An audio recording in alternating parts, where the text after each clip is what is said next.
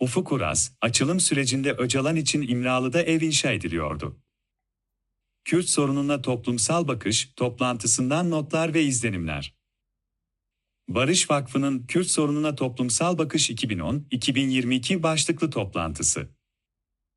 Bu konu üzerine çalışan 3 akademisyen, Profesör Doktor Ayşe Betül Çelik, Profesör Doktor Evren Balta ve Profesör Doktor Mehmet Gürses'in Konda'nın 12 yıllık verilerini de kullanarak yaptığı analizler anlatılıyor. Aynı zamanda aralarında siyasetçiler, gazeteciler, sivil toplum temsilcilerinin olduğu grup kendi bilgi ve analizlerini paylaşıyor. Bana göre araştırmadaki en önemli tespiti yazarak başlayayım. Türkiye'nin en yakıcı ve baskıcı dönemlerinde dahi barış gündemine ve temel siyasi haklara destek %30'un altına inmemiş. Üstelik kendini gri alanda tarif eden %20'lik bir blok bulunmakta. Yine araştırma ve analizlerin sonucuna göre, barış sürecinin, Kürt sorununun tanımı ve Kürtlerin siyasi ve kültürel haklarının tanınması adına toplumsal bir yakınlaşma sağlamış olması. Gelelim partilerin, liderlerin tutumu ile seçmenlerin aldığı şekle. Kürt sorunu lider söylem ve tutumlarından kaynaklanan taktiksel söylemlerle araçsallaştırılabiliyor. Metinde akademisyenler partiler açısından durumu şöyle anlatmış. HDP'li seçmenin çoğunluğunun sorunun barışçıl yöntemlerle çözülmesini istedi. AKP'li seçmenin parti siyasetine paralel duruş sergiledi.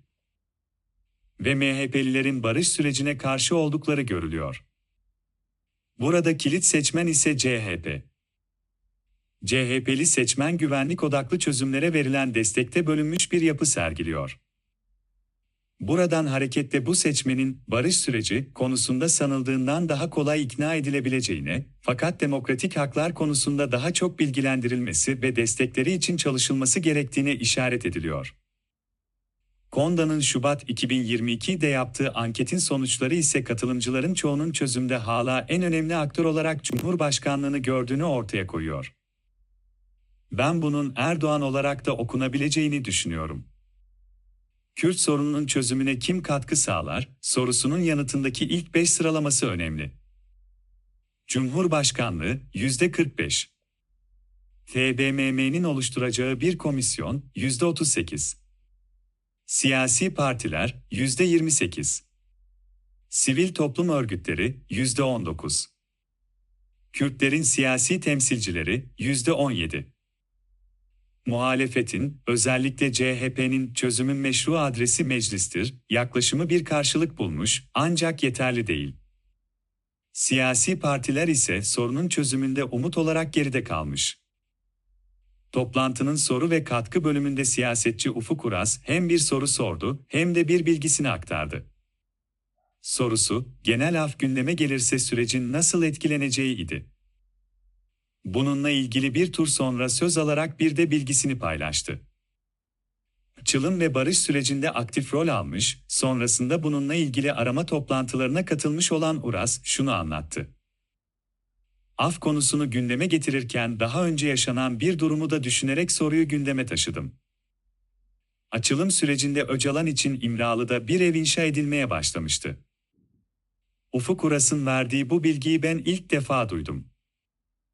O dönem çok konuşulan, barış olursa Öcalan ev hapsine alınır konuşmalarını hatırlıyorum.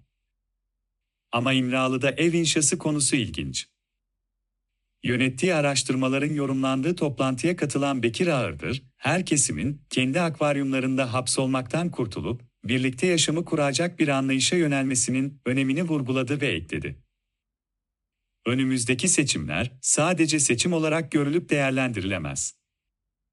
Ortak bir yaşamın inşası içinde karar vereceğiz. Türkiye'nin en önemli meselesi de bu değil mi? Barış içinde nasıl birlikte yaşayacağız?